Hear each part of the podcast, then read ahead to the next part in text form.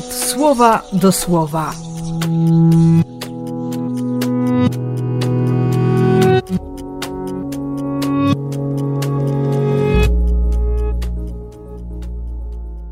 Dwudziesty piąty listopada, sobota.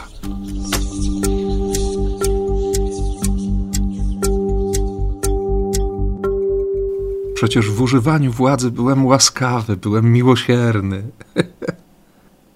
Czasami można bardzo szeroko otworzyć oczy ze zdumienia, jakie zdanie o sobie mają inni, jakie zdanie o mnie mają inni, albo jakie zdanie mam sam o sobie. Ha. A gdzie jest pytanie o oczy Boga? O to, co On we mnie widzi, jakiego mnie widzi. I jeszcze ta refleksja. Okradłem świątynię i to wszystko dlatego. A co z ludźmi? A może właśnie trzeba spojrzeć dzisiaj na to pierwsze czytanie i, i na ten żal Antiocha, na tę jakąś dziwną, bo dziwną, ale jednak formę skruchy. Spojrzeć na to wszystko jak w lustro, bo zadaję sobie pytanie, jak ja patrzę na innych. Czy widzę w nich świątynię Boga? czy swoją obecnością, moim słowem, spojrzeniem, czynem sprawiam, że, że te świątynie pięknieją, czy jestem grabieżcą? Jaki jest człowiek po spotkaniu ze mną?